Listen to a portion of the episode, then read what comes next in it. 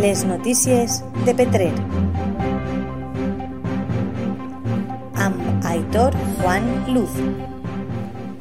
La Unión de Festejos San Bonifacio Mártir va decidir ahir en la reunió telemàtica extraordinària suspendre definitivament les festes de moros i cristians 2021 a causa de la situació sanitària actual ocorreguda per la pandèmia de la Covid-19. Segons va afirmar el president de l'entitat, Enrique Rubio, és una difícil decisió però necessària, ja que hi ha que prioritzar la salut de tots els que participem en la nostra festa. Per la seva part, l'alcaldessa de Petrer, Irene Navarro, va añadir que és una decisió responsable. A la sessió també es va determinar celebrar les festes al 2021 2022 a les seues dades habituals i mantenir els carres festers actuals. Les notícies de Petrer